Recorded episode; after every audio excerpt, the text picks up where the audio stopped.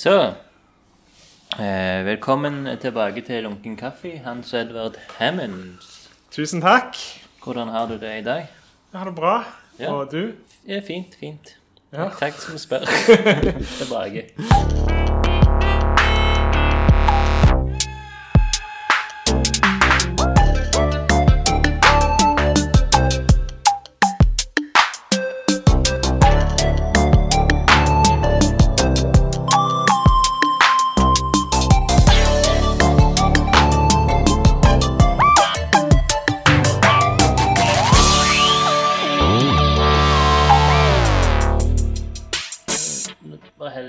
Her nå.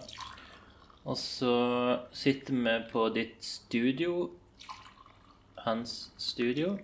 Ja. Eh, da har ennå ikke funnet et eh, navn til studioet. Det navnet er vel Studioet. Studioet, ja. Studio 1. Ja. Ja. Hvor lenge har du egentlig vært der? Jeg lurer på om det begynner å bli nærme seg åtte år. Jeg Ok, wow. Syv år. Jeg fant et bilde som Facebook Memories kom opp av meg som opp for syv år siden. Og det tror jeg var ett år siden det okay. kom opp. Og det har bare blitt større og større.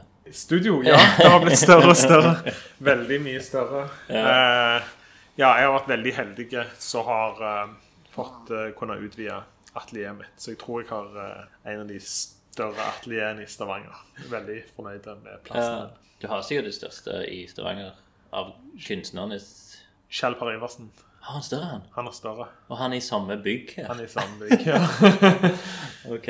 Og så vet jeg ikke, det kan jo være at det sitter en eller annen kunstner på en låve Mm. ute i, på Jæren eller fjellet rundt forbi. Jeg har hørt om de som kjøper en gammel, nedlagt skole og bruker det som atelier. Ja, ikke sant? Jeg tenkte jo på nå når denne brannstasjonen skal være tom, hvor deilig hadde det ikke vært og så bare hatt fått hele den brannstasjonen. Tenk på de store dør, åpnende Å dørene. ja. Tenk på alt du kunne ha gjort fra med brannstasjonen Det er sant. hvis det var din egen private legeplass. Jeg ønsker sikkert var det Stavanger kommune som eier den. De har jo utlovt til både Metropolis og Roan kunstsenter eh, brannstasjon. Ja. Det er sånn som de har sånn som de først Hei, eh, vi har et bygg her til dere. Ja. ja. Det er på Paradis. ja. Hvor mye bedre kan det bli? Paradis. Men er dette det liksom det eneste studioet du har hatt, eller hadde du et tidligere da i når du drev med Perk... Nei, ikke Perkefella, men eh, K-lab. K-lab, ja. Ja, men jeg tror at det, dette her er det eneste på en måte plassen der jeg har hatt sånn skikkelig atelier og kunne jobbe med kunsten min. Og jeg har ikke hatt, alltid hatt det så alene. Jeg har jo delt det, men nå har jeg det utenom jeg deler det med et par andre, så er jeg inne i et andre rommet. Og så deler jeg verkstedet litt med de. Ja. Med de i andre rommet? ja. Ok, så de òg sager og sånn? ja. Ok. Jeg har så mye Ja, Ulrik. Ulrik og Raffen. Eh, Raffen. ja. Han sjiraffen i Portrein 2. Ja, akkurat. Hvis du lurte hvor han ble av, så er han altså på Hillevåg. Jobber på alle Nei, men de har um, det jo, Jeg har jo så mye plass at, uh, at uh, de har jo ikke mening å bare bruke Det ble jo bare sånn at jeg drar en sånn så hver uke så er det nye ting jeg drar inn på atelieret mitt fordi Ja. at jeg kanskje kommer til å bruke for det en dag. Men det er jo ikke så overfullt. Det virker som at du òg er god til å hive, eller gjemme, eller hva er det? Grave ned. Gravene. Ja, jeg har vel Jeg prøver vel å hive så mye som Ja. mulig. Men det er ikke alltid like lett. Er det en sånn ting Altså en sånn ting som du bare har funnet, som du har bare ligget her i åtte år og ventet til muligheten skal Ja. komme? Ja. Eller jeg har flere ting, men det er en spesiell ting. Det er en trestokk som er fra 1700-tallet en gang. Midten av 1700-tallet. Ok. Og den kom fra et hus som mine forfedre bygde da på øyna. Så det første huset, første gården som ble bygd på den øya som mor mi, eller Øyne? Øyene Andabløy, det er i Flekkefjord. Det er okay. der min mor kom fra. Eller jeg kom fra ei som heter Risholmen på sida av. Når de kjøpte den øya, da kjøpte Jeg husker ikke hva det var. De kjøpte den for et par kalveskinn og Ikke sant? En dale, eller hva. Jeg husker ikke hvor mye det var. Men så satte de opp den, og da måtte eh, Den ende opp med at eh, foreldrene mine tok og så kjøpte det det huset som var der da, men da hadde det blitt så ødelagt og rått, eller råttent, for det var så gammelt, at vi måtte dessverre bare rive hele greiene. Men da tok far min vare på en av disse her stokkene, og så tok jeg den stokken da, og så har jeg tenkt sånn, dette her er jo sånn min familiehistorie som ligger inni denne stokken, Ja. så den må jeg gjøre noe med.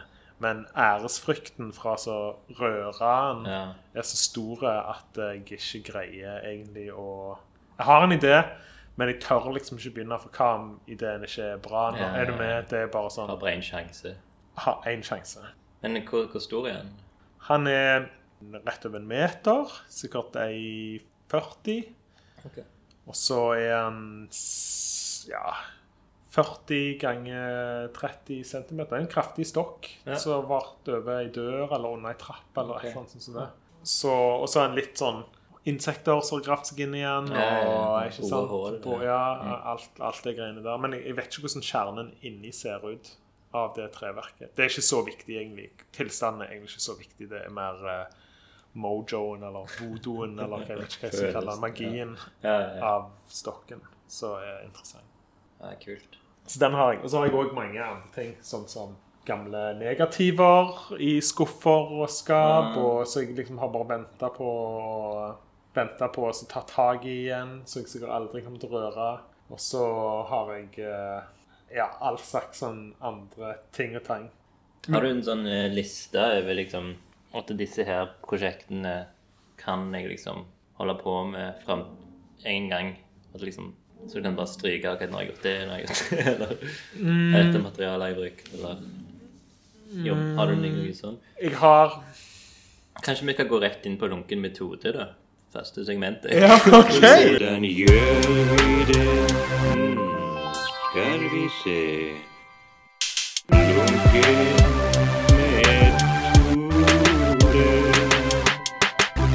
Ja, lunken metode, prosess. OK. Prosess er veldig viktig. Aller, det aller viktigste, syns jeg. Egentlig så syns jeg det med aller fleste kunstproduksjoner, ikke bare mine egne, men jeg er veldig interessert i andre sine prosesser òg. Ja. Jeg har vel lært at det å ha en resultatorientert tankegang er ikke heldig for kunstproduksjon, fordi at med en gang du setter deg et på en måte et ja, Man må jo ha mål, men det finnes jo forskjellige typer mål. man kan ha. Men hvis målet er at jeg skal lage en spesifikk ting F.eks. hvis denne stokken min Hvis jeg hadde bestemt meg for å gjøre noe veldig komplisert, den må se sånn ut, så blir det veldig stor terskel for meg å overkomme. Så derfor uh, prøver jeg ikke å tenke hva resultatet i det hele tatt, men prøver bare å engasjere meg med materialet. Vanligvis så er det en slags idé jeg har, men jeg, jeg, jeg lar ting være mykt og flytende i hodet mitt. Og så begynner jeg også å jobbe med et materiale. Og så forteller på en måte materialet meg om det potensialet, hva det vil. Jeg tror nok jeg er ikke så konfliktperson. ikke sant? Jeg liker ikke konflikter, så jeg liker ikke å være i konflikter med materialet mitt heller. Så, okay. så jeg prøver å pushe ikke materialet, jeg prøver heller å jobbe med materialet. Så liksom sånn følge det, følge hva liksom sånn materialets naturlige vilje. Stort sett, da. Eh, og det fører jo ofte til at det verker abstrakte. Veldig ofte i uttrykk. Selv om jeg syns det hadde vært spennende å jobbe med mer figurative ting. Men figurative ting er også litt skumle. Men så er jo òg naturen abstrakte på veldig mange måter. Ikke sant? Måten formen i naturen. ja, ja, ja. Eh, så jeg tenker jo at det er liksom sånn Så det er liksom prosessen. Men så kan det være å ha har ønske sjøl, da. At f.eks. at jeg vil at kunstverket skal ha noen kvaliteter ved seg. F.eks. jeg vil at folk skal kunne bruke kunstverkene på en måte. Så da tar jeg med meg, så tar jeg hensyn til den der intensjonen av at, at kunstverket skal kunne fungere på et, et vis. Men Interaktivt. eh, nesten. ja, for eksempel. Det kan være interaktivt. Ja. Og da er det selvfølgelig ser jeg hva er det materialet vil gjøre, så tillater det til å være, ha en slags interaktiv form, da. Pleier du å ha sånn, eh, sam, sånn ateliersamtaler eller snakke med andre om prosessen din for å se hvordan det skal gå, eller har du noen sånne faste? Jeg skulle nok ønske jeg kunne ha mer av det. Jeg tror grunnen til at jeg ikke har det, skyldes nok at jeg har relativt mange ting som skjer, liksom. At jeg har forskjellige typer ansvar som går parallelt til kunstpraksisen min. Som betyr at jeg, når jeg holder på med kunsten min, så har jeg helst lyst til å være litt alene med den, Ja. eller, eller være i ei boble da. Og, og, og da trenger jeg fred og ro. For da har jeg som regel de andre tingene jeg holder på med. Så snakker jeg så mye uansett med folk at eh, Ja, sånn. at det, det er litt sånn digg. Men, men jeg har jo lyst Jeg ser jo verdien av det absolutt. Å ha en samtalepartner eller samtalepartnere. Men dessverre har jeg ikke det akkurat nå. Nei, Nei altså, jeg har heller ikke det. Men eh, jo, jeg har av jeg. Ja. Men, eh, men jeg ser jo òg at sånn som Anna har ofte liksom Hvis hun er usikker med kunsten sin, så tar hun ofte liksom og, og ringer folk, kunstnere, venn, kollegaer, liksom. ja. Det, Jo, vel, ja. Mm. Jo, det, det spørs jo selvfølgelig hvor du er i prosessen, da, og kanskje om du trenger det, eller Du snakker veldig mye med Maiken Mm. Stene. For vi jobber jo sammen med velferden, og da Mm. sitter vi ofte når vi er nede på velferden og jobber, og så jobber vi dagen, så sitter vi kanskje tar oss et glass med vin på kvelden eller noe og koser oss. Da snakker vi veldig mye om kunsten vår og ideer. og OK, ja, men det er jo Ja, det gjør jeg jo med deg òg. Kanskje mer, at det blir mer sånne filosofiske samtaler da. Ja, ja, Ikke noen sånn konkrete her, Nei, nei, Dette her er det jeg holder på med, det er det jeg har lagd. Hun legger ikke fram et prosjekt og sier 'hva skal jeg gjøre'? Nei! nei. hjelp! Men jeg vil jo ofte trenge hjelp. For tvil, liksom sånn, tvil er jo noe som jeg tror alle jeg snakker med, har en viss form for tvil og angst i forhold til det å uttrykke seg sjøl. Mm. Og det hjelper jo utrolig godt å få litt sånn bekreftelse eller kritikk eller hva det skal være når det er nødvendig. Hvordan er det når du skriver ned, da? For når du lager disse her søknadene til stipender og lignende, da må du jo på en måte inn og, og skrive om kunsten din. Hvordan, hvordan føler du det? Skriving syns jeg er utrolig vanskelig. Det føler jeg er sånn, virkelig litt sånn handikap for meg. Jeg skriver veldig mye i hodet mitt, kan du si, hele veien konstant. At jeg konseptualiserer ting jeg holder på med. Hvis jeg har gjort en handling, så kan det være at den handlingen begynner å gjøre mening midt i handlingen eller etter handlingen. Og så da begynner jeg også liksom sånn reflektere rundt det, da. Og så tror jeg jeg er relativt flink til å huske de tingene jeg Ok. eh, Liksom de tingene som skjer inni hodet mitt. Ja. Du lager ikke noen så små notater? For jeg vet du har, har en sånn eksempel skissebok, er det mer bare tegning, da? Det, det er vel ord. Ja, ord. OK. Men det er jo sånn som med drømmer. ikke sant? At det kan være at du har en drøm, og så skriver du skrive ned kanskje bare et par setninger fra. Og så Mm. Glemmer du drømmen helt ut, og så ser du på den setningen Ja. eh, et halvt år senere, og så kommer hele drømmen tilbake igjen til deg. Så jeg sånn, tror det er sånn skissebøkene mine funker. At ideene trenger bare ofte et par streker og en form. og sånn. Ja, ja, det Men av og til ja, av og til er det jo som jeg, en eller annen sånn fyllik har uh, rabla et eller annet i boka som ikke gir mening. Men det er vel òg liksom sånn sinn til, sinnstilstander og ja, forskjellige tilstander man er i, tenker jeg. Ja, ja, ja, ja absolutt. Men eh, da tenkte jeg vi skulle gå innom egentlig sesongens tema, da. da begynner det. Skuldrene går. Svetten renner på hans. Klamrer seg til stolen. Gulp. Eh, Se på meg, jeg er etablert. I dag så er jeg helt utlært. Ungdommen jeg har, den forsvant. Jeg er en mann.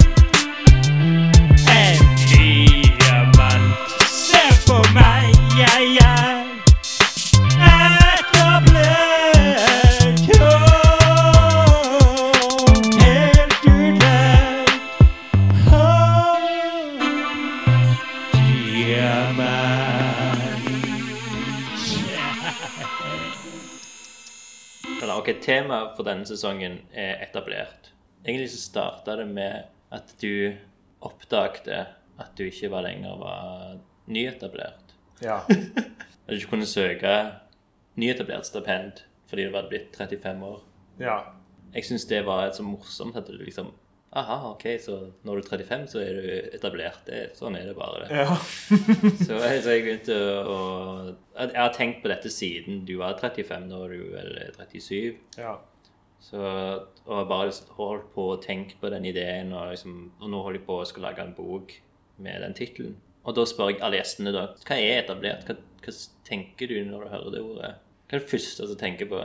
Jeg tenker mindre sjanser, tenker jeg. I livet? Ja. På grunn av den ene søknaden du ikke kan søke på igjen. ja, men du går liksom inn, plutselig så er du det sånn Jeg, jeg snakket faktisk også med, med Siri om dette, og hun, også- hun ble 35 i, om det var i fjor. Og hun òg var liksom Denne gangen som var nå, eh, altså arbeidsstipendgreiene Dette var liksom siste gang hun kunne være nyetablert. Ja. Og så får du liksom avslag, og bare tenker Shit, nå kan jeg ikke Altså, du fikk ikke engang. liksom, du fikk ikke lov å være nyetablert. Du fikk ikke lov å få penger for at du er nyetablert. Det er liksom bare Veldig rart. Det er, Det er jo- mindre sjanser for altså, etablert. Mindre sjanser. Det kommer litt an på hvordan du ser på det. ikke sant? Men, men når det kommer til sånn, det kommer til sånn økonomisk støtteordning Jeg mener det som ble eldre Nå er ikke jeg gammel, vi er ikke gamle ennå. Men uh, Snart middelalder. middelaldrende Det er vi vel.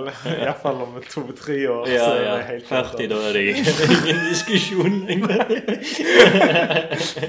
Alle vet vi dør er 80. det var, jeg, tenkte, jeg tenkte faktisk på det liksom, når jeg ble ført på at det, gjennomsnittsalderen er vel, for menn er vel sånn 39,7 eller et eller annet sånt. Så. Så når vi er 40, så har vi mindre tid. Vi har levd kortere enn vi kommer til. Er du med på, Ja, ja, ja. på, på? Ja. Men da er det bare sånn Ja, da er vi bare bikka halvveien. Ja, er ja. Bare tenke på gravstøtte. Ja. ja, jeg tenker det som er etablert Jeg prøver ikke å tenke så mye på det, fordi at uh, jeg tror uh, egentlig det som er det viktigste, er jo OK, sånn som i UKS, da, Mm. Han sier du kan være medlem Unge kunstneres uh, Samfunn. samfunn. De sier jo at du er ung eh, så lenge du er ung i skallen eller et eller annet. Så, oh, ja, så medlem. Så det, de har jo sånn medlemmer som er gamle, har vært medlemmer i UKS i Siden de var unge. ja, siden de var unge. De ble bare eldre mens de var medlem. Du tar egentlig ikke inn eldre. Du må bare eldes. ja. Nei da, men jeg, jeg ja, det Så jeg tror det har litt med en mentalitet å gjøre, men det hjelper jo ikke. Det kan ikke så skrevet sånn mentalt jeg, eh, jeg 23 år gammel på søknaden, fordi at eh, Ikke bry deg om alderen min, faktisk. Uetablert i hodet. Men uansett så tror jeg at det handler om å ha en sånn legen, eh, legen approach til det, det man gjør i livet, og at man har en sånn eh, lik det man gjør. Og, og så lenge man har den kraften der, den genuine legne på en måte eh, til tider barnslige, eller uh, tillatt seg selv å være naive, eller ikke sant, eh, så tror jeg at man kan hele veien ha den der kraften med seg som man egentlig trenger. At det ikke handler om alder, men det handler om liksom den, en genuinitet da, i kunsten. Ja. Så Derfor tenker ikke så mye på prøver jeg ikke å tenke så mye på etablerte. Men det er kanskje hvis jeg var uetablert, så hadde jeg tenkt på det sånn Takk Gud jeg ikke er etablert. eh, Jeg vet Ja, ikke. sånn, ja. ja. Men, Men etablert er jo Det trenger jo ikke å med alder å gjøre heller.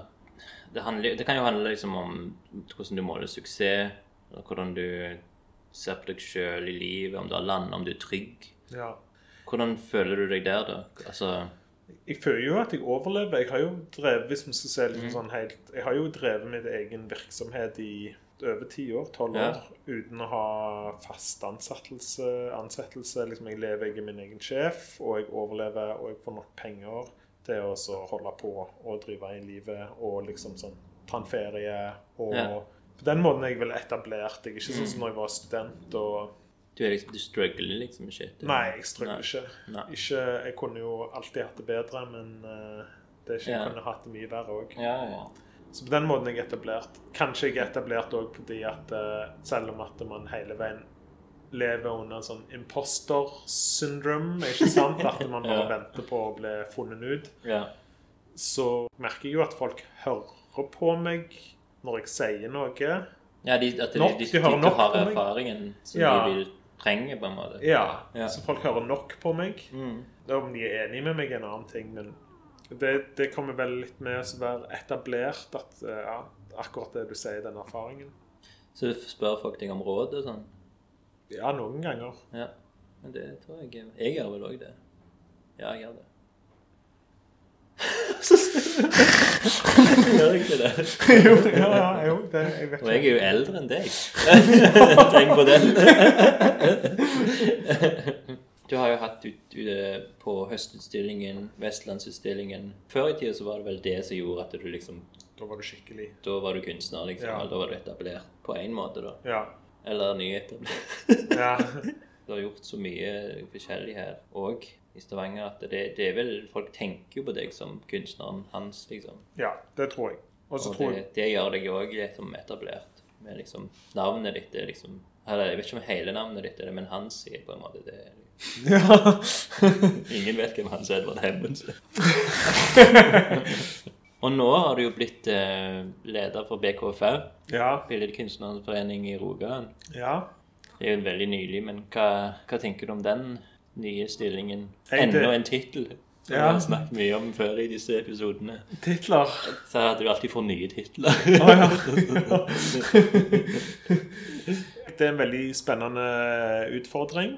Jeg, Mm. jeg mener det hører jo hjemme med veldig mye av det jeg bryr meg om. Ikke nødvendigvis være eh, leder for eh, Eller styreleder for BKFR, Nei. men å være eh, der som jobber liksom, Å løfte kunstfeltet på forskjellige måter. Men dette her er jo litt annerledes, fordi at eh, jeg har jo alltid brøyd meg mer om kunsten i seg sjøl, som en ikke nødvendigvis tenkt så mye på kunstnernes rettigheter som arbeidere. Det er jo, sånn, ja. det er jo, det, det er jo viktig, Ja, ja. det, men det er ikke der tankekraft, mest tankekraften min har ikke gått i den retningen. Nei. Jeg har jo bare tenkt på liksom sånn, hvorfor kunst er viktig Ja. for uh, samfunnet, og, og, og reflektert mye rundt det. da. Mm. Eh, men jeg tror den refleksjonen gjør at det, det kommer til å være en OK overgang til så det som bli en god styreleder. Men jeg har utrolig mye å lære, jeg mener, og jeg kommer ikke til det er ikke sånn at jeg, jeg tror ikke jeg kommer til å ha sjanse til å være en god leder hvis jeg ikke får mye hjelp fra, fra miljøet. Men heldigvis i Rogaland og ellers òg i landet så finnes det utrolig mye god kompetanse, veldig flinke folk Mm. og veldig mange erfarne mennesker å støtte seg på. ja. Så jeg tror ikke det er noe problem, egentlig. For du får vel òg mer tilgang til liksom direkte kontakt med NBK og Ja. IKS, og Ja. de hører på deg, og de svarer deg, liksom. så Ja. Så jeg tror det handler om å bare ta i bruk alle ressursene som Mm. er rundt og, og og som leder, så hva er en leder? Det har jeg òg spurt meg Ah, sjøl. Liksom, bitte litt. Hva er en leder, og hva gjør en leder? Og det er ikke sånn en leder skal gjøre alt arbeidet heller. Nei. Skal ikke gjøre ingenting alt bare arbeid òg, men må jo liksom sånn- Delegere delegere og Ja. flink til å delegere Mm. og sånt. Og skape motivasjon og, for å få til de som blir delegert oppgaver, eller de som ønsker å ta på seg oppgaver. Mm. Sånne ting tenker jeg på. Så, men jeg må finne ut av det. Du får spørre meg om uh, i neste sesong. Sesong 17, ja. Ja. Men det vil jeg gjerne. Ja, hvordan er det sånn, sånn kulturpolitisk? Det, du, du har vært du er litt Du er politisk opptatt. ja, det er jeg. Så det er jo Da er det jo òg naturlig at du liksom eh, er der med liksom i BK, altså leder for BKFR. Det er jo mye politikk òg, eller? Ja. Jo, det er jo det. Og Det det, er det. da har de òg Da hører politikerne på deg, Ja. tenker jeg. Istedenfor bare å være kunstneren hans, så er du liksom lederen hans. altså, men det er jo en stor oppgave òg, og det er jo det er jo sikkert mye tid som går vekk ja. på både tull og bra ting, liksom. Men, men det, jeg syns jo det er helt fantastisk at du er, du er det lederen. Og, Og det gjør jo at jeg vil melde meg inn i BKFR nå. Så bra. Men eh, jeg har blitt fått avslag en gang før. Ja. Jeg med å Alle gode ting er tre, Espen. Er det ikke det de sier? okay. Det prøver i år og neste år.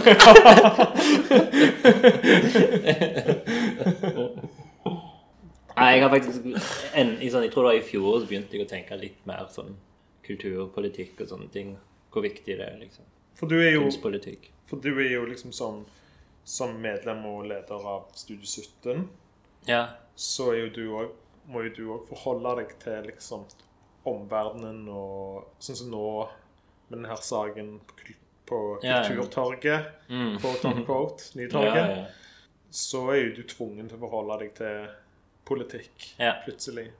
Og det er kjempeinteressant. Jeg syns jo at, at det her skjedde, at eh, Studio 17 blir kasta ut mest sannsynlig fra, ny- fra Kunstsenterets hus, Jugendbygget. Ja. Jeg gjorde jo at jeg ble òg veldig politisk interessert og, og fulgte litt mer med. Selv om jeg leste mer aviser, liksom bare Men så gjør jeg at jeg plukker opp andre ting som skjer, byutvikling, alt sånne ting som blir litt interessant. Eh, Men det tar jævlig mye tid. Og det tar mye energi. Og det tar liksom det, Du grilles i hodet liksom etter hvert. Mm. Men eh, altså, jeg, jeg syns jo det er veldig Jeg syns jo òg det er kjempeviktig med eh, kunstnernes rettigheter. Det har jeg òg egentlig brydd meg ganske lenge om. Eh, men òg mye gjennom Anna. At hun er medlem av eh, NBK, eller jeg mener i styret i i Norske Billedkunstnere. Fått innblikk der, da. Mm. Så, ja, og, eh, og, men òg det å jobbe i Studio 17 så har det jo vært mye om hvor mye hvor rettighetene hvorfor at vi må betale de mye mer enn vanlig og gi de det de trenger og sånn. Nå òg med pandemien, liksom at de kunstnerne sliter, så vi må vi kan ikke avlyse helt utstillingene fordi at dette er jo jobben de som er sånn. ja. Det har vært ganske kjekt, egentlig òg. Ja.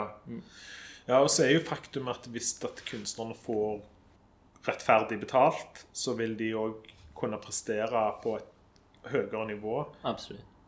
enn hvis de sliter. Det er kanskje det som frustrerer meg med denne Nytorget-saken. Mm. At når de kaster, kaster Kunstsenter og Studio 17 ut De ressursene som har blitt lagt inn i de organisasjonene Mm. eh, nå blir nå brukt til å prøve å finne en ny plass og prøve å overleve, liksom bare sånn istedenfor å gjennomføre det måte, mandatet man har fått eller gitt seg sjøl. Og det syns jeg er det, det er kanskje det som plager meg mest. Da, de timene som forsvinner, og de timene som har forsvunnet inn i liksom sånn inn i også den usikkerheten så, så det vedtaket som politikerne nå har gjort, at mm. kunstsenteret eller Jugendhuset skal tømmes, og Ja. den omrokeringen. Og så ikke bare for men jeg tenker på Metropolis òg, de er jo kulturarbeidere. Ja. Alle de timene som forsvinner Her snakker vi om Hvis vi skulle begynne å eh, sette tall på de timene, så snakker vi om hundrevis av tusen, kanskje mer, kanskje millioner kroner. Er det med? Millioner ja, av, av, mennesker for, av menneskers tid som blir Ja. liksom sløst vekk. Ja, absolutt. Og det er en tragedie, egentlig, synes jeg. Og Mm. Ja. det er utrolig provoserende. Og det tror jeg ikke, når, eh, når eh, de vedtakene ble gjort, tror jeg ikke det ble tatt hensyn. til. Jeg tror det er sånn akkurat som de går på roser og tror at alt skal være OK, men egentlig det de gjør, er at de eh, forstyrrer sinnssykt inn i kultur, og grumse til hele kulturverdenen, og så må, må et sinnssykt opprydningsarbeid skje. Mm. Og så kan vi gå tilbake igjen til å programmere og gjøre det vi faktisk er flinkest til, og det å skape liksom, Mm. ting. Nei, det er helt sant. Det, det er sinnssykt mye tid det har gått vekk. Ja. På mange, liksom. Mange involvert. De har jo ikke peiling på hvor mange som er involvert i prosessene bak, liksom. Som, som sitter og liksom, bruker sine timer som de ikke får betalt for til det. liksom. ja. Og, og får betalt for. ikke sant? Det er jo folk som har betalt Mm. Jo, jo, det. det er sånn så Jane Sverdrupsens nye Ja, lederen. Hun har jo blitt ansatt nå, og, og så er nyansatt. Og så istedenfor å bruke den tida som er sånn kuratorisk og, og som, eh, som en hjelp til, hjelp til kunstnere, så må hun bruke tida på å finne en nytt hjem til kunstsenteret. Så det utsetter jo alle hennes visjoner Mm. Ja. på hvor ett år. Jeg vet ikke, jeg. Ja, det er helt sant. Så det syns jeg er dumt. Men det er jo tilbake til det å betale Det er jo samme når man betaler folk skikkelig, og man faktisk gir ressurser til det folk skikkelig ressurser til det folk faktisk skal holde på med, så får Mm. vi gode resultater. Ja. Og det er jo det liksom Det har jeg vært opptatt av. Og det brydde jeg meg òg veldig mye om når jeg var i Studio 17 òg. Ja. heve hele veien. Prøve Mm, mm. heve honorarene. Ja. Og jeg, jeg lærte veldig mye av deg. Jeg tok jo over lederrollen når du slutta. Ja. Da, da følte jeg jo litt Da følte jeg jo det du hadde lært meg. På en måte, og hvordan vi hadde jobbet før. Så jeg har liksom prøvd Jeg hadde jo trykt det videre, og så heva det bitte litt til, liksom. Ja. Mm. ja, for når jeg begynte, var det 2000 Ja. sånn fikk. Nå er det 11 000. Ja, det er jo Ja, det er- kjempeløft. Ja, så det er jeg veldig, veldig glad for det.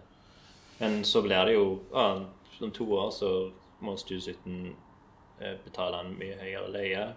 Ja. Da må vi ta fra kunstnerhonoraren sikkert. ja. Eller ja, jeg hadde ikke gjort det, men det nye De nye i styret De er så kjipe. Nei, det vet vi aldri, men det, det kan gå utover det, liksom. Ja. Det er kanskje den største frykten. At det liksom, vi må plutselig bruke disse her midlene som vi har akkurat klart å få stabilt og fint, og, og liksom at det, Studio 17 kan funke sånn som vi ønsket sikkert i 2015. ja.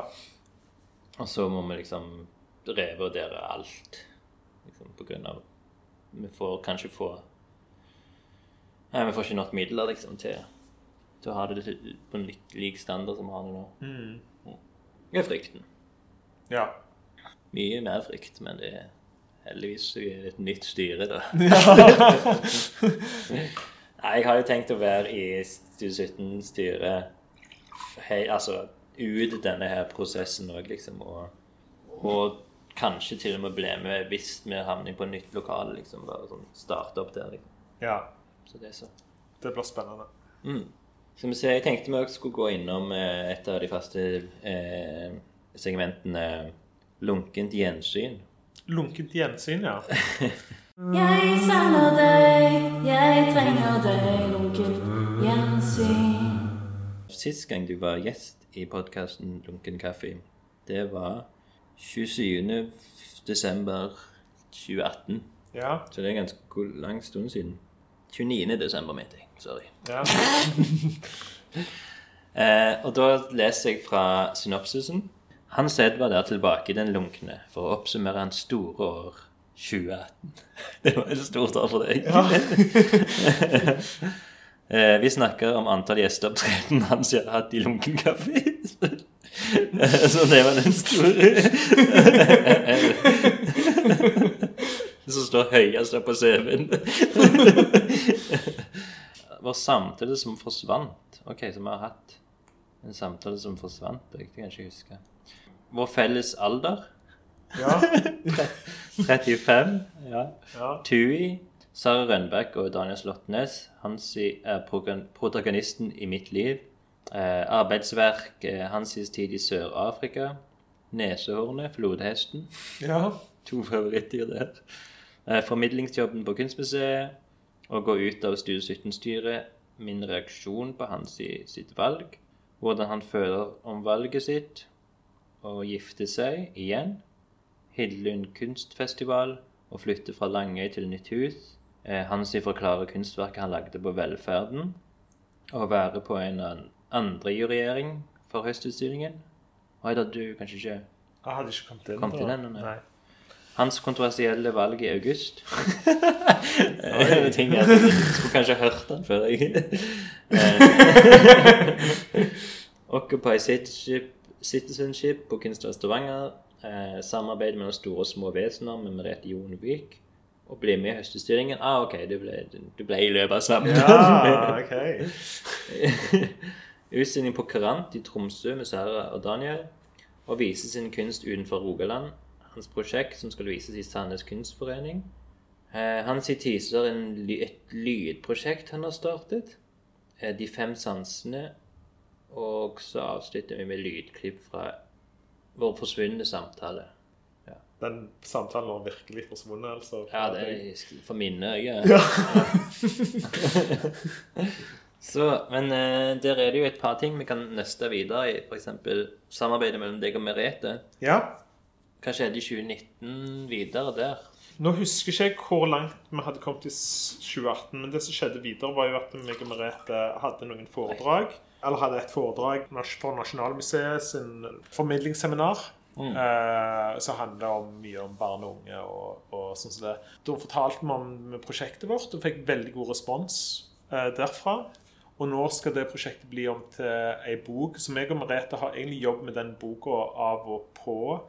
Eh, så har vært en, så, sånn, For Merete hun er jo en sånn dreven bokskriver, men for meg så er dette den første boka jeg har lagd.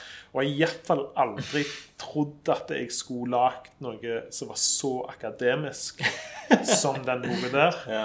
Men, eh, men den har jo blitt, det har jo vært en kjempespennende prosess og utrolig lærerikt. Og jeg tror nok at det kommer til å bli en veldig verdifull bok for eh, det å tenke på hvordan du jobber med kunst med barn. Så det er noe som har skjedd. Det er jo sånn at når du, du skriver, og så sender du boka eh, Du skriver, og så går det mange runder med seg sjøl og leser over og finner på tekst og Ikke sant?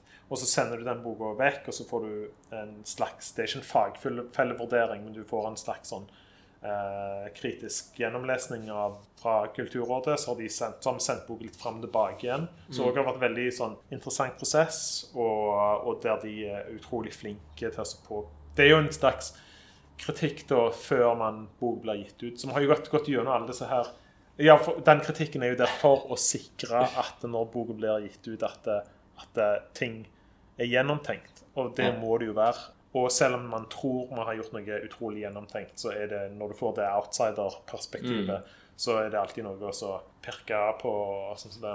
Så det var veldig bra. Men nå er den boka egentlig i siste fase, og forhåpentligvis kommer okay. den ut nå i år. Høsten, gjør det. Ja, liksom all tekst er ferdig. Det er bare å få designet på plass nå. Og så, Det er veldig spennende. Blir den tykk? Veldig godt spørsmål.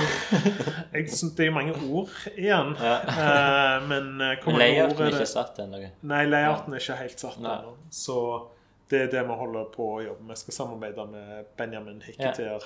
Og, og så har Kulturrådet òg sine krav, ja, ja, krav på, okay, Ja. på utforming osv. Ja, ja. Men, men det greiene der det er jo bare kjempespennende å se hva det blir. ja. Uh, boka handler jo om platestruktur i kunstproduksjon med barn. Mm. Hvordan det er. Eller en, en flatere struktur, iallfall. Og hva som skjer liksom når man i det forsøket. Så det er et, et sånn refleksjon rundt en dyp refleksjon rundt eh, et eksperiment som jeg og Merete gjorde sammen. da. Hun som en som sosiolog og antropolog, og meg som kunstner. Og så ser vi på hva som er bra. Vi har prøvd å være helt transparente og ærlige med liksom alle prosessene, og, og det er noen ting som er veldig bra med å tenke flat struktur, men så er det jo òg ting som kan være litt utfordrende. Så vi prøver liksom til å få fram de forskjellige aspektene, sånn at når de som leser den boka, de vil forhåpentligvis kunne ta med seg de erfaringene vi har hatt for å kunne designe bedre kunstprosjekter eller bedre workshops eller hva det skulle være for unger. da. Så jeg tror den boka blir veldig interessant. Så bra. Og også når vi har skrevet den, så har vi hatt kunstnere og lærere og andre pedagoger, sånn at vi prøver at det, at det er liksom ikke bare interessant for andre kunstnere, men vi tror det vil være kjempeinteressant for forskjellige typer pedagoger òg å kunne ta med seg. Hva er tittelen? Det blir samarbeid mellom små og store vesen. Ja. Og det blir en fysisk bok, ikke en PDF? Eller begge deler? Begge deler. Ja. Ja.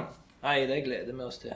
Så det er, den, det er vel den fortsettelsen av det siden 2018. Så har det vært nokså lang, lang prosess, Ja. men sånn er det. Men, det var, men i 2018 var da dere starta det? Ja. Mm.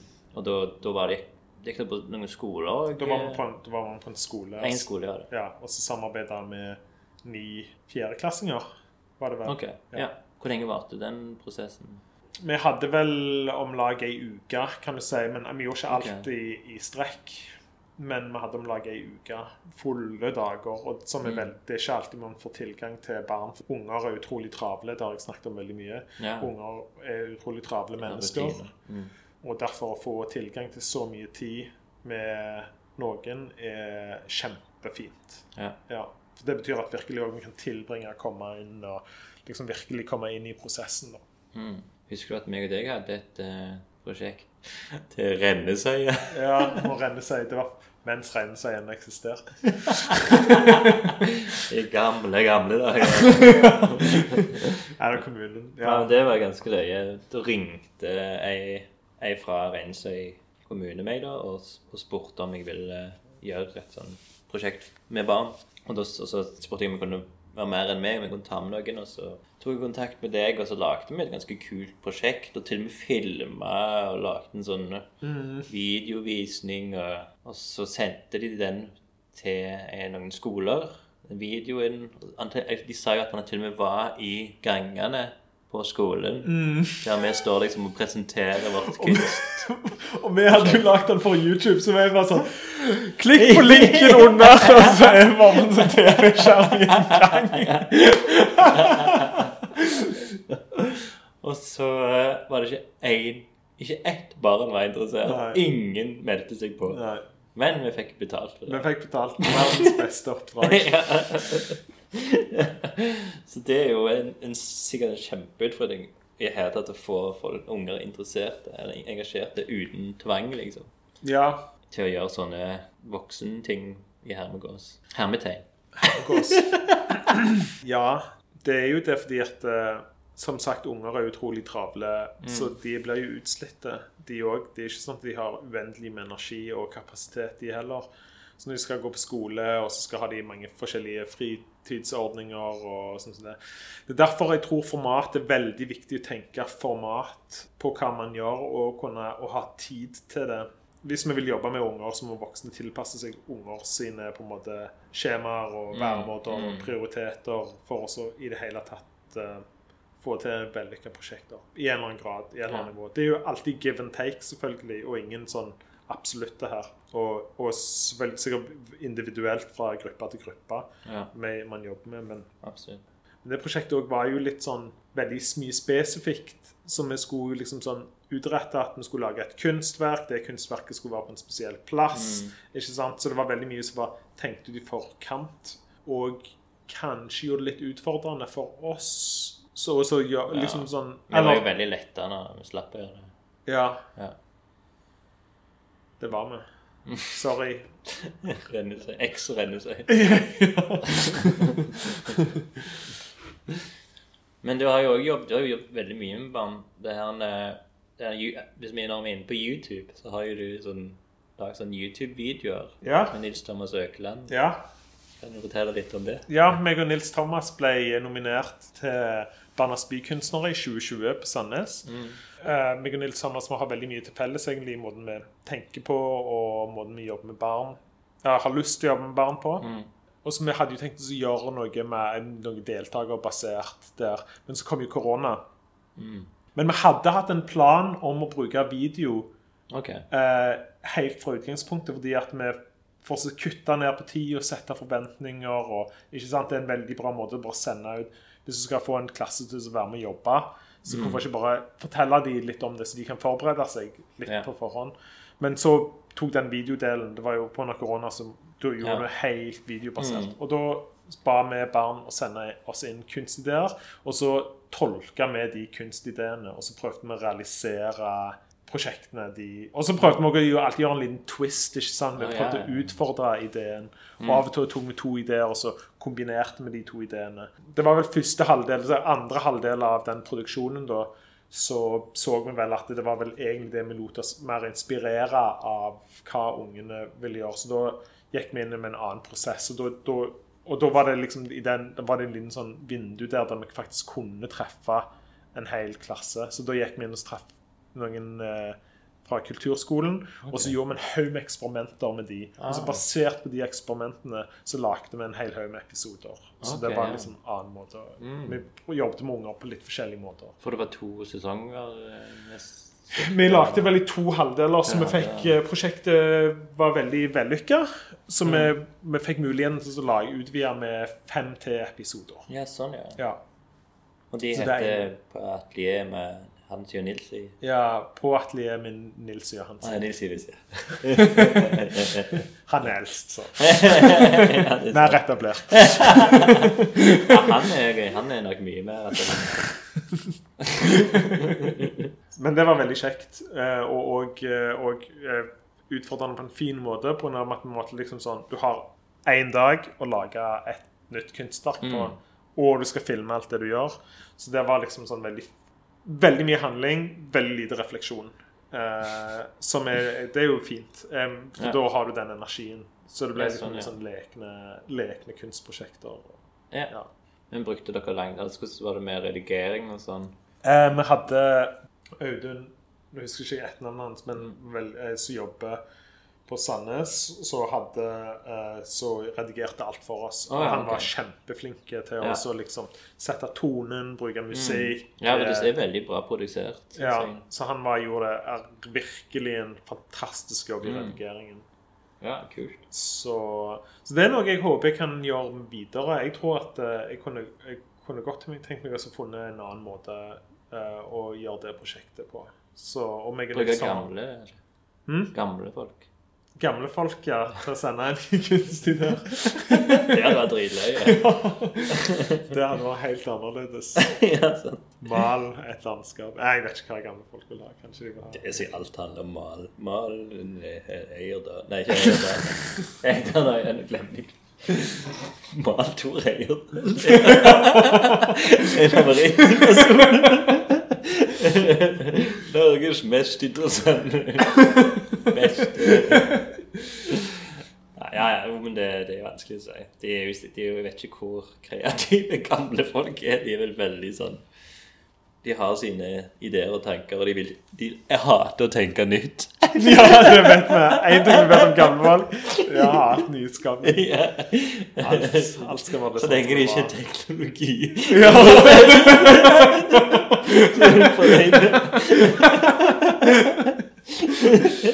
Ja.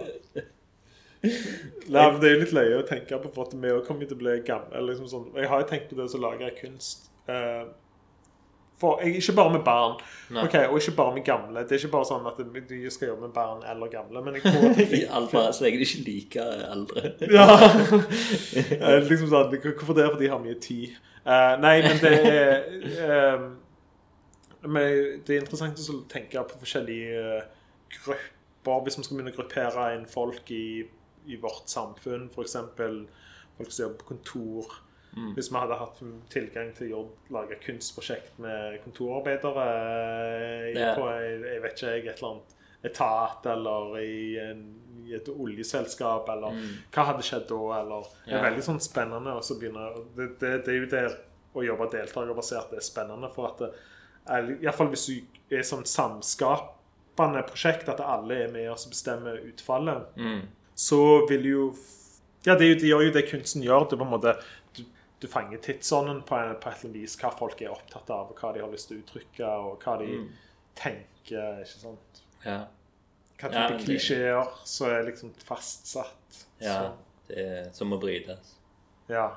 En, en ting jeg kom på når kanskje dere har skrevet det i boka, men barn de tenker aldri på penger. Om at de liksom, den tida de, de får ikke betalt for den tida. Det tenker du ikke på. Nei. Mens liksom Jeg vet ikke hvor gamle om de er. De kanskje ikke bryr seg så mye. Men, men liksom vår alder og sånn, da er det sånn Hvis jeg skal være med på dette, så må jeg få betalt. Det, liksom, det er jo det er ofte sånn Mm. folk tenker. Og det, med bare timer, liksom. Hvor mange Det tror jeg er en veldig stor forskjell på Ja. voksne. ja. De, og sånn som du sier, liksom, de har De er veldig travle. Men alt det de gjør, de får aldri betalt for alt det de liksom gjør Nei, nei. over dagen. liksom. Akkurat. Selv om folk sier hva de skal gjøre. sånn, så Ja. liksom De skal bare lære, liksom, Ja. å bli eksponert. mm. Ja, det er jo en sånn å jobbe med voksne er jo en eh, der, For da må du jo være spesielt interesserte. Ja. Eller jeg mener i en drømmescenario, hvis jeg skulle få lov til å komme inn på en arbeidsplass og gjort noe, så ville de gjort det i arbeidstid. Yeah, At yeah. det var noe som skjedde i arbeidstida. Yeah, men da må du ha et selskap som har kapasitet, først og fremst. Mm. Og, og, ja, og så lyst til å Eller ser verdien av det å så Ja, gjøre et sånt et prosjekt eller et sånt et eksperiment. da. ja. Eh, Det kan jo være sånn teambuilding-greier. Ja, ja, men det, vil, jo- det er det jeg mener. Mm. Kunst har jo den der Kunst har jo en veldig så Det er jo er veldig ofte har et sosialt aspekt ved seg da, uh, i en eller annen form, om det er gjennom produksjonen, eller om det er gjennom en utstillingssetting, eller samfunnsrefleksjon, eller hva enn det skal være, liksom. Så det har jo de implisitte verdier for folk å kunne være med på noe sånt. Og òg for samhold da på jobb. Så det er jo en av uh, bieffektene da. Kunsten bør ikke handle om det, for da, vi, da snakker vi om en sånn in instrumentalisering av kunsten. Sånn, La oss lage kunst sammen fordi det er bra for uh, fellesskapet. Er ikke nødvendigvis uh, Nei, det er sant. er ikke nødvendigvis den beste tanken. Men, men det er sånn OK, tenk på det på denne måten der. Det er vanskelig å så våkne opp om morgenen og så si 'I dag skal jeg være lykkelig'. Men fordi lykke er ikke noe man kan velge å bli, det er jo en bieffekt av noe man gjør. ikke sant? Vi gjør noe, og så blir man lykkelige på grunn av at vi gjør noe. Ja. Det kan være hardt arbeid, og det kan være smertefullt arbeid, men for det, det, er det er lykkelig som en bieffekt av liksom det. Så det tenker jeg at eh, kunsten har mange av disse her bieffektene som bare følger med seg. Ja. Men kunsten må ha den totalfriheten. Hvis man tar vekk liksom Hvis man begynner å innskrenke den, så, så, så slutter den å, å fungere. Da begynner de bieffektene på en Ja. måte å, å falle fra. Mm. Hm. Tenker jeg. Ja, nei, men det høres eh, logisk ut. Du, jeg har jo ganske mange samarbeid. Sånn som nå har vi nevnt mm, eh, Maiken, Ja. Stene. Det kan vi jo snakke om litt mer òg. Men litt Merete, Ja. Liz Thomas, Ja. Eh, Fredrik Sele Ja. har du òg. Ja. Da må du jo liksom systematisere disse forskjellige For det er jo totalt forskjellige samarbeid. ja. liksom. Meg og deg har jo samarbeida. Ja, vi har samarbeidet før, ja. Men akkurat nå så har vi vel bare Sklidd fra hverandre. Vi har et vennskap. Samarbeid om dette vennskapet. Tviholder. Når var sist gang så den? Var det 26. eh, desember eh, 2018? Vi, vi var i en slags sosial kontekst. To, to dager siden.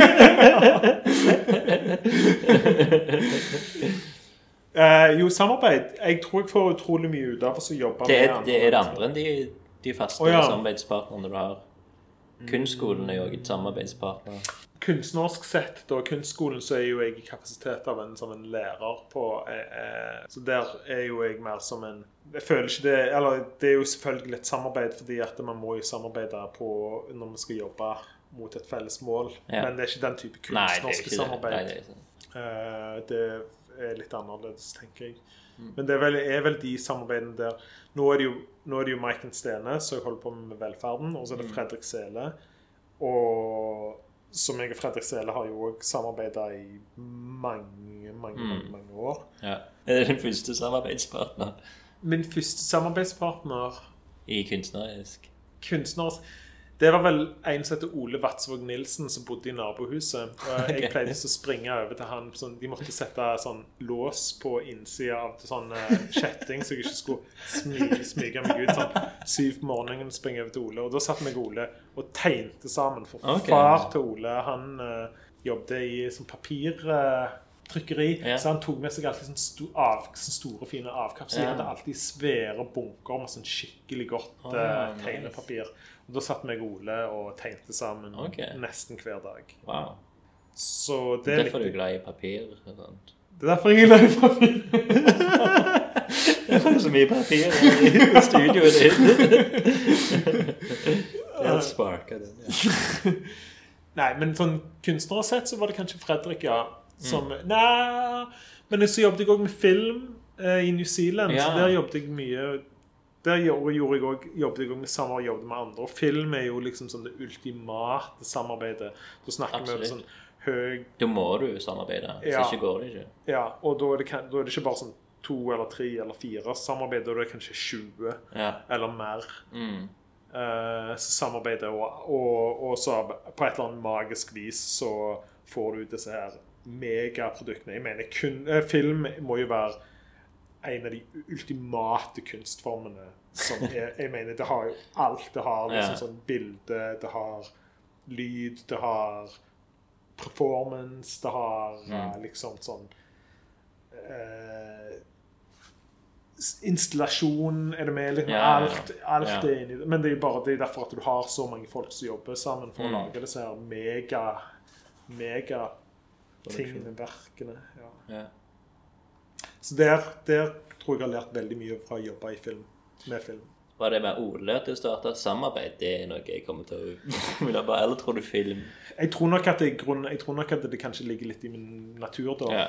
At uh, grunnen til at jeg likte å tegne med Ole og likte å jobbe med film, og, er fordi at jeg liker å jobbe med og liker å være med andre mennesker og Mm. skape ting sammen med andre. ja. Og at det er liksom sånn Jeg er mer effektiv veldig ofte hvis jeg gjør noe med andre, enn Mm. hvis jeg skal jobbe helt selvstendig, Ja. tror jeg. Du blir på en måte tvungen til Når andre Ja. andre Ja, det Det er handler om tvang.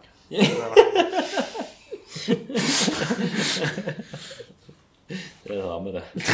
Samarbeidet for det. Da blir du tvungen til å lage kunst. Endelig. Ja. Du klarer ikke å lage Men du gjør jo vel soloprosjekter hele tida. Ja. Ja det, er ikke, det er ikke sånn, Mm. men jeg tror, jeg tror den feedbacken man får fra andre folk Men det er jo derfor jeg, og kanskje derfor jeg liker å jobbe med deltakerbaserte prosjekter. fordi at jeg får den Det handler jo om hvor man får, hva man får energi av. ikke Mm, sant? Hva, eh, jeg mener, igjen, hvis man skal tenke på eh, Hvis man skal tenke på naturen igjen, så går jo aldri Eller naturen går veldig sjelden der det er motstand, ikke sant? Det, naturen følger jo ofte minste motstands vei. Og det tenker jeg òg liksom er kunst. ikke sant? Selv om Mm. kunst er utfordrende, jeg sier ikke det. Eh, veldig ofte utfordrende, men, men det er fremdeles en Det man gjør, er jo, kommer jo fra en genuin glede, som oftest. Ja. Selv om ikke sant, sånn som du får vondt i armen av å tegne, og jeg sier ikke at det ikke er motstand. Ja, ja, nei, nei, nei, men det, det er jo mest glede. Ja. Du har jo både vært Eller lekt litt med filmskaperi, skuespill og musikk. ja. Hva, hvis du hadde valgt en av de veiene, hva hvordan tror du livet ditt hadde vært i dag? Jeg tror Jeg har tenkt på det. Jeg har tenkt på har det. tenkt på det, ja? Jeg har Ok, så bra. Jeg trodde det bare var noe jeg tok av hatten. Men ja. Jeg ville jo bli skuespiller. Jeg hadde jo lyst til å gå på musikk, dans og drama. Ok. Men eh, pga. dysleksien min så fortalte rådgiveren på skolen at jeg ikke hadde kapasitet til å lære meg et manus. så Oi, wow. jeg mener det er jo helt uh, For meg, jeg er veldig sånn jeg mener, jeg må jo le og grine litt av den Ja, ja, ja. Men det valget der førte jo til at jeg gikk på tegneform farge og begynte med kunst istedenfor. Ja. Og så har jo jeg tydeligvis trivts med kunst, ellers hadde ikke jeg holdt på med det. Mm. Men hvis ikke han hadde sagt det, så hadde jo jeg gått på musikk, dans drama. ja.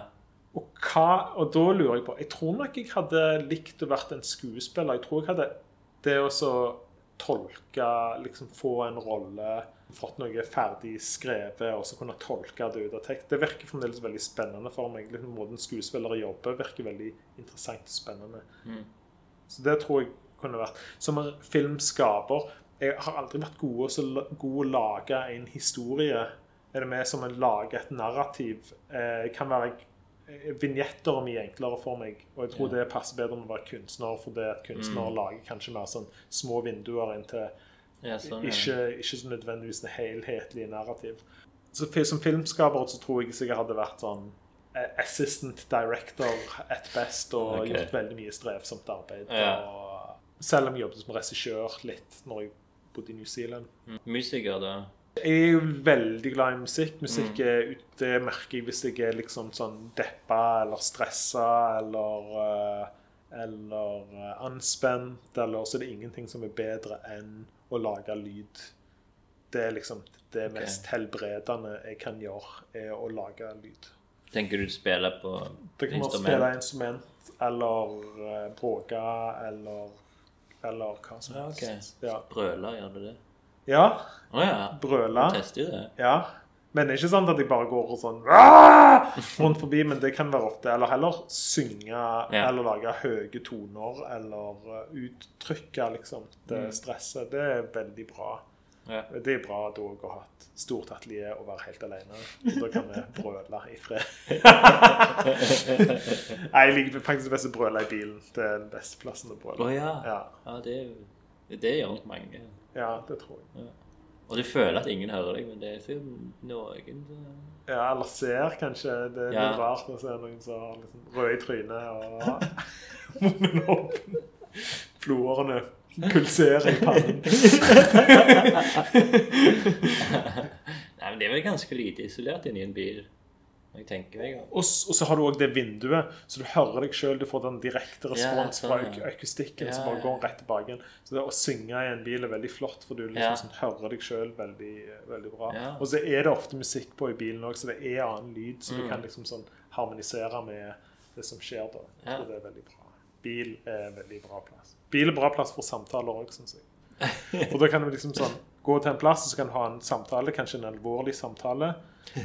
Og så når du går ut av bilen, så, du liksom, så kan du la alt det alvoret være igjen. Sant? Da er det snakk da er det fri. Det er ikke sånn at hvis du har en alvorlig samtale hjemme i stua, og så skal du lage middag, og så er ikke sant, eller noe sånt, det, så henger den samtalen i lufta rundt sofaen en plass.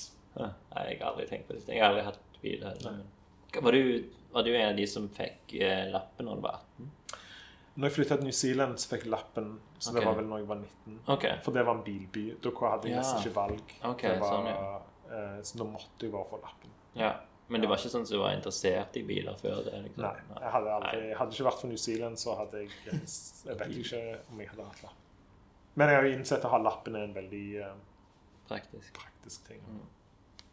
Du har vel òg opplevd mye at folk har brukt deg mye pga. Ja, appen. ja, det har jeg blitt brukt. Men heldigvis ikke nå lenger. Nå prøver jeg nesten ikke det lenger. Jeg tror det, det en av de lureste tingene du har gjort, er at du flytta til Langøy en liten periode. Ja! For etter det så har det sikkert ikke så mange som har ringt og spurt om du kan kunne kjøre de. Og... Da, da, da fant de folk sikkert andre Parasittene fant andre offer og festa seg på. Stakkar de. Mine tanker går ut til dere. Kaffe. Lunken kaffe.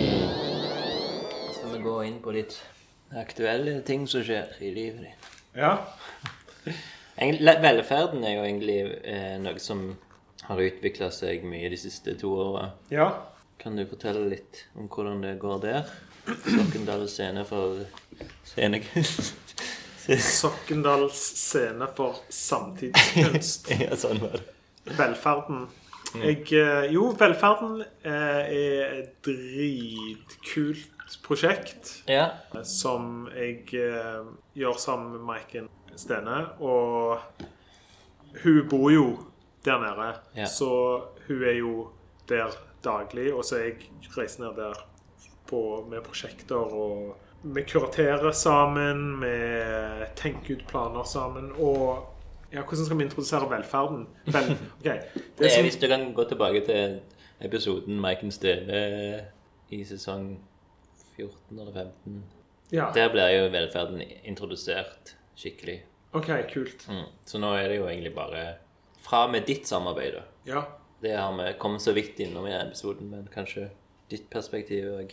Først var jeg der og hjalp Maiken som produsent i et år. Mm. Og så var jeg på Det var vel i 2017. Og så var jeg der som kunstner i 2018. Det var da Anna Ile var på Velferden òg. Eh, og det var da jeg begynte å jobbe med liksom veldig mye med barn og samarbeid. Og det var der, liksom, der det starta. Ja. Og så, på grunn av Studio 17, på grunn av Cola, av alle disse tingene her, så var jeg sånn Jeg så jeg at dette her er- var et sinnssykt bra prosjekt med Ja. utrolig bra potensial. Så ble jeg med Maiken. Spurte jeg henne om hun eh, trengte mer hjelp, om jeg kunne være med i en større kapasitet. Og så starta vi forening sammen. Eller starta Velferden Sokndal Scene for Samtidskunstforeningen. Og så begynte vi bare å søke midler. Og så har vi vært veldig heldige og så fått mm, mange, mye midler. da, Nesten alt vi har søkt på, har vi fått. Wow. Men det tror jeg òg er fordi at eh, velferdens posisjon er Jeg tror at det er Eller kanskje vi har vært heldige. Kanskje det er fordi at eh, prosjektet er såpass bra og at det er nødvendig ikke sant, fra et kunstperspektiv at velferden eksisterer det, der det er.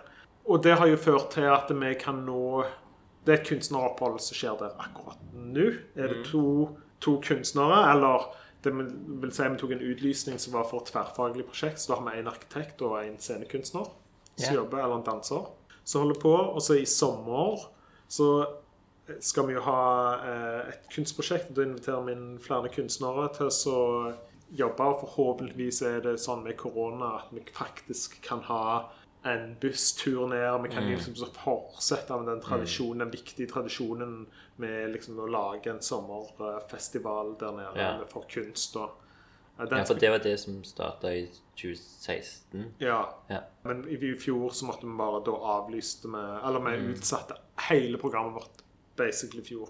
Ja, da var det sånn kart som skal være tema. Skal det Er det tilbake? Ja, men vi hadde, katt, hadde kattseminar. ja. Eh, Men det er jo, kommet ut, det henger jo, det er overlappende. Så Mm. velferden Måten meg og Maiken eh, driver velferden, er jo en slags prosessorientert kuratering, kan man si. Mm. Eller vi tenker på vi tenker på en måte vi driver velferden som en kunstpraksis, kan, på Ja, en ok. måte. Ja. Bare det at den kunstpraksisen involverer å få inn andre mennesker til å være i landskapet og reagere på det landskapet. Og så gjennom den dialogen vi har med de da, så vokser og de observasjonene de gjør, sammen med liksom selvfølgelig òg kanskje viktigere, av alt med prøve å involvere lokalbefolkningen, så drives programmet framover liksom, av den aktiviteten. Men òg landskapet i seg sjøl. Landskapet i seg sjøl er en ekstremt stor pådriver av retningen til hva velferden yeah. eh, bør fokusere på, eller Ikke sant? Mm. Eh, så, så da har vi disse her prosjektene. Kunstneropphold, stort sett. Mm. Et par utstillinger og så ett seminar i året. Blir det eh, utstillinger med de kunstnerne som er på eh, residency? Nei, eh, vi har, vi har en krav vel om at de som er der, har en slags offentlig presentasjon. Det er det eneste kravet okay. vi har hvis det skal være på velferden. Ja. Men hvordan den utretter seg, den, det har vi ikke noen spesiell oppskrift på, egentlig. Det kan være en utstilling. Men vi vil jo folk skal komme ned der helt på fritt grunnlag. Hvis man kommer ned og skal lage en utstilling, så setter det et veldig fokus på mange måter. Mens hvis man skal komme til en plass og bare jobbe fritt i den plassen, så er det andre kreative mekanismer som skjer. Ja. Jo, det er sant. Så derfor vil, og vi tror at det er mer verdifullt at folk får det, eh, den der bare helt friheten, og ikke trenger å ha en utstilling som henger over seg. En utstilling kan jo oppstå allikevel, da. Ikke sant? Hvis det blir føles naturlig og aktuelt. Ja.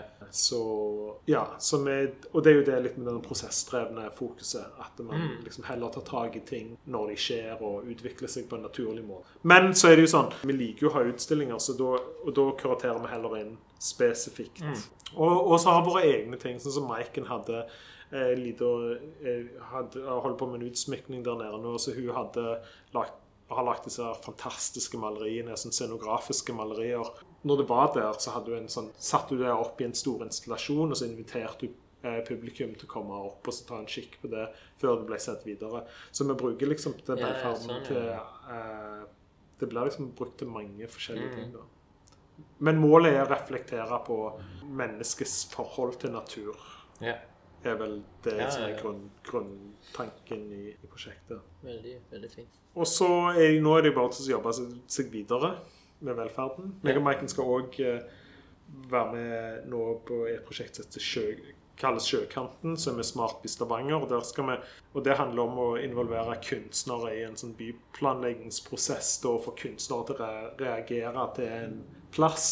Eh, og, og for å kunne åpne opp rom da i Eller la kunstnerne utforske fritt for å åpne opp potensialer i, i det, og kanskje observere, og, og kanskje skape en mer sånn sanselig, kroppslig kontakt med, med en plass, da, istedenfor at det, sånn som veldig ofte skjer, er at det er, man tar avgjørelser på statistikk og brukerundersøkelser, og Ja, det er ja, papir, sånn, ja. liksom sånn tall og grafer, så, så blir liksom så former en by ikke nødvendigvis et kroppslig møte med et sted. Og der er jo liksom igjen, hvis vi går tilbake igjen til Nytorget, så kan vi sikkert tenke meg at det er liksom Det er ikke et kroppslig møte Nei, som har gjort den avgjørelsen der. Og det er Hillevåg. Og det er Hillevåg og Paradis. Det er sjø, Sjøkanten langs Ja. her. Med konsulatet og helt inn til paradis. Ja. Gamle konsulat 1. Konsulat 1, ja. Det, er, det er en ting som velferden gjør òg. Ja. Meg og Maiken reiser ut som kunstnere. Som, og da kaller dere dere velferden. Da er det på en måte i ånden ånd av velferden ja, vi gjør det. Men òg selvfølgelig meg og Maiken som mennesker og kunstnere. Ja, ja, ja. Ja. Men dere er jo en kunstnerduo Ja, som kalles velferden. ja kan du si. Ikke, det har vi ikke tenkt Ja, det noe sant. over. Egentlig. Nei, jo det, det er en plass. Ja, Stedspesifikk. ja. Men du kan si menneskeforhold til natur er jo det vi òg stiller spørsmål til her langs sjøkanten. I et mer urbant miljø, da. ja. Og det er nå veldig snart? Det, vi har, det prosjektet pågår as we speak. Ah, ok. Ja. Wow. Så det er det mest høyaktuelle? En av de mest høyaktuelle tingene. og så har jeg holdt på med Gnor òg, jeg Ja, var inne på samarbeid. Det og hva som skjer. mm.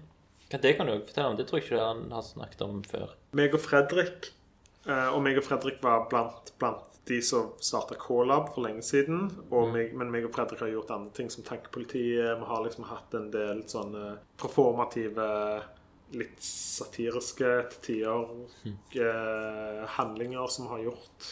Men nå har vi begynt å gjøre et prosjekt som heter Gnor, og Gnor handler om lyd. Gnor er navnet på det vi holder på med, men det er òg navnet på det vi gjør, som vi Gnore. Ja. Men det er òg navnet Litt som sånn smurfing. Litt som smurfing! Akkurat som smurfing er. For det, er en, det kan òg være en, eh, en, god, en ting som lager en eh, spennende lyd. er En god gnor, ikke sant? Mm. Eller alt kan være en gnor, men eh, det finnes noen gnorer bedre enn andre gnorer.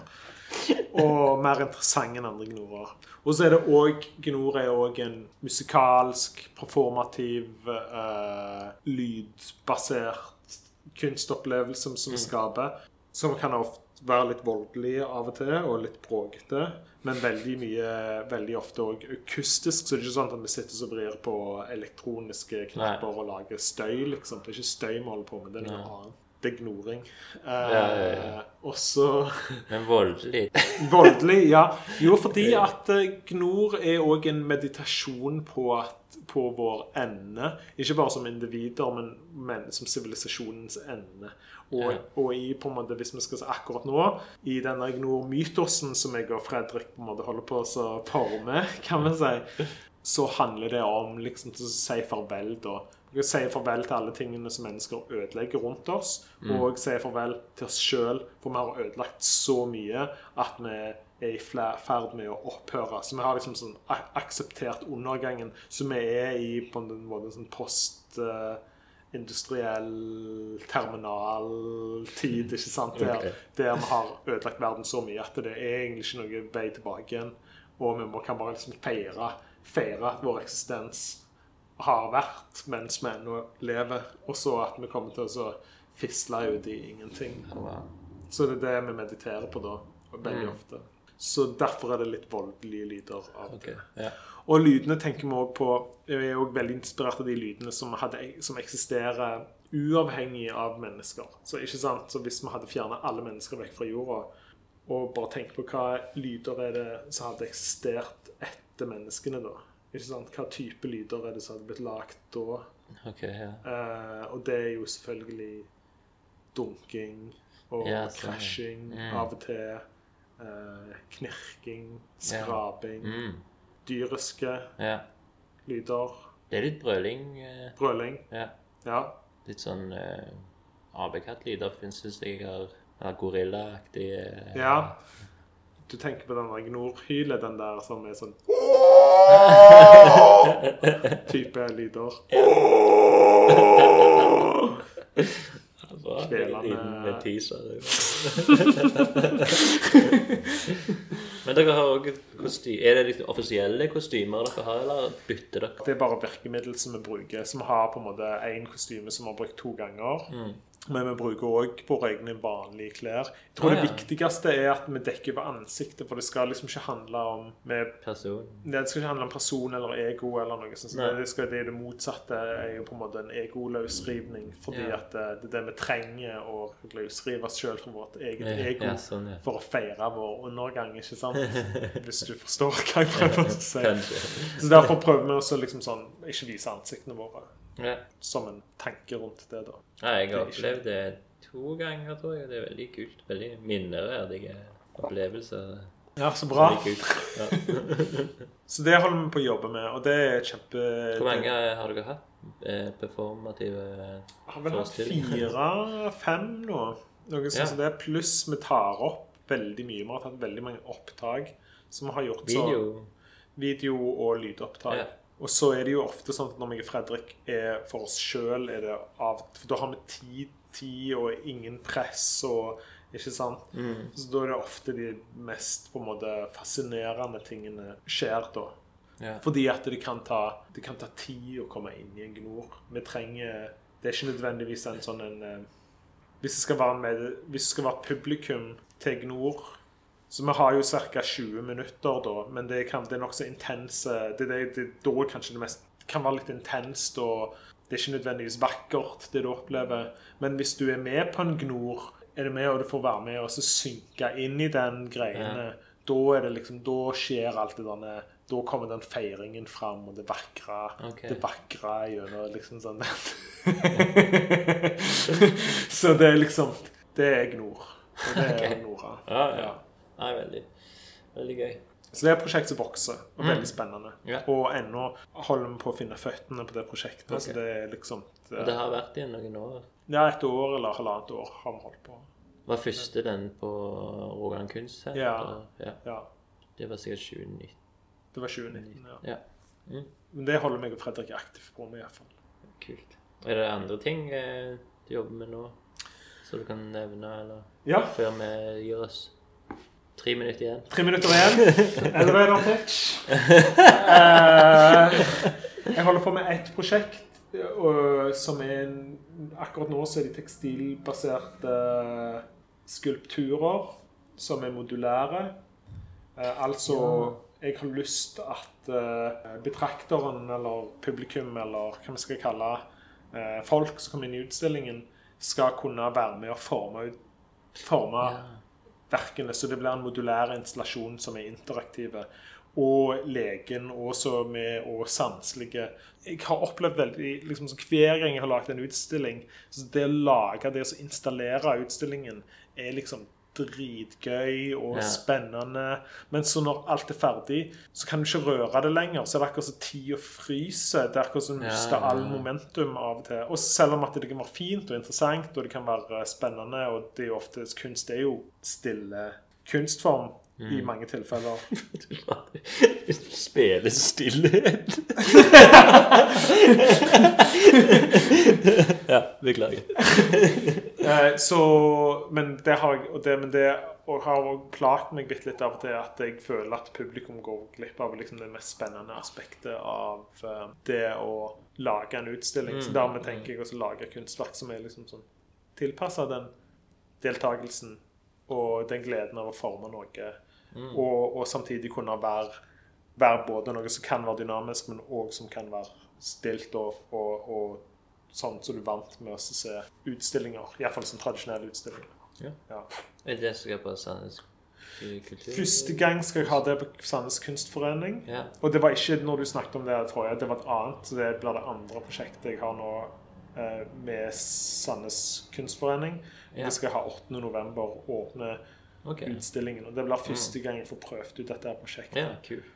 Og det Og det, du var jo på det, det er jo, Vi må jo bare nevne deg. Du har jo vært på The Holy Grail av Residency. Av, eh, Ja, Nordisk Kunstsenter Dale. Det var Mm. dritbra. Og, Ja. der, og det var det jeg begynte med dette prosjektet. Mm. Jeg fikk liksom tid til å realisere disse her ideene. Og det er veldig kult å jobbe med alle disse tekstilene og fargene. Ja. Og måten å få de til å fungere på eh, spennende måter. Og, og, og det er jeg veldig gira på. Det er liksom det prosjektet jeg eh, akkurat nå mest, tenker mest på da, av alle Mm. prosjektene jeg holder på med. Ja. Ja.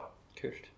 Så det håper jeg vil ta form og få momentum igjen. Jeg fikk gjort veldig mye på Dale, og så har jeg kommet hjem, og så har det vært litt sånn Det som kommer hjem og gjør møte livet. Mm. Men nå liksom, er jeg på vei tilbake igjen til å så komme inn i produksjon med det greiene der. på ny. Ja, kult. Har vi det det? Da har vi det. Ok. Så tusen takk, eh, Hans Edvard Hemmens, for eh, nok et eh, nydelig samtale i lunken sammenheng. Takk for at jeg fikk komme, Espen.